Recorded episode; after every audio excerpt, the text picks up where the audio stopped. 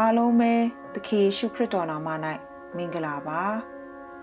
မိမိကိုယ်ကိုတတိရှိပါ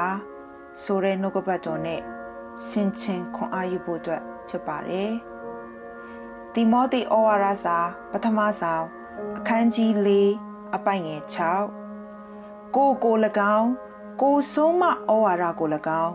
တတိပြု၍အမြဲတည်နေလော့ထို့တို့ပြုလျင်ကိုကို၎င်း နားထောင်တော်သူတို့ကို၎င်းကဲတင်လိမ့်မည်ဒီနေ့ကျွန်ုပ်တို့ရဲ့အသက်တာမှာသူတစ်ပါးကို ဆုံးမတွင်တင်ပြီးကိုယ်တိုင်ကြရှုံးတော်သူမဖြစ်ဖို့အတွက်အရေးကြီးပါတယ်မိမိဟောပြောတွင်တင်နေတဲ့နှုတ်ကပတ်တော်ကို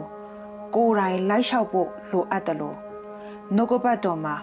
အစဉ်တည်နေဖို့အတွက်လိုအပ်ပါတယ်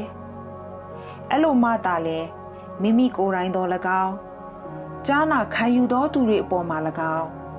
တိဆောက်စရာကဲတင်စရာအကြောင်းဖြစ်လာမယ်။ဒါကြောင့်ဒီနေ့ကျွန်ုပ်တို့အသက်တာထဲမှာလက်တွေ့ဆုံးဖြတ်ချက်ကြရအောင်။အသက်တာချင်းမှာမိမိဟောပြောသွန်သင်တဲ့နှုတ်ကပတ်တော်ကို ကိုယ်တိုင်လိုက်လျှောက်ဖို့အဲ့ဒီနှုတ်ကပတ်တော်ပေါ်မှာတည်နေဖို့တတိရှိကြရအောင်။ဆုတောင်းကြပါစို့။ အဖဖေယာကျွန်ုပ်၏မိသားစုအတွက်ကိုရော့ကိုကျေးဇူးတင်ပါ၏မိသားစုအသက်တာထဲမှာကိုရော့ကိုအားကိုးလျက်ကိုရော့၏ဘုံထင်ရှားစေသောအသက်တာဖြစ်စေပါစုံလင်သောအဖကျွန်ုပ်၏အသက်တာကို ပြုပြင်ပေးနေသောကြောင့်ကျေးဇူးတင်ပါ၏ဟောပြောရသောအခွင့်ပေးသောကြောင့်လည်းကျေးဇူးတင်ပါ၏အကျွန်ုပ်၏အသက်တာသည် သူတစ်ပါးကိုဆုံးမပြီး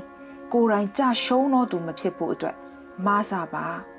သူတစ်ပါးကိုတိဆောက်တော်အတ္တတာဖြစ်စေပါသခင်ယေရှုနာမ၌ဆုတောင်းပါ၏အာမင်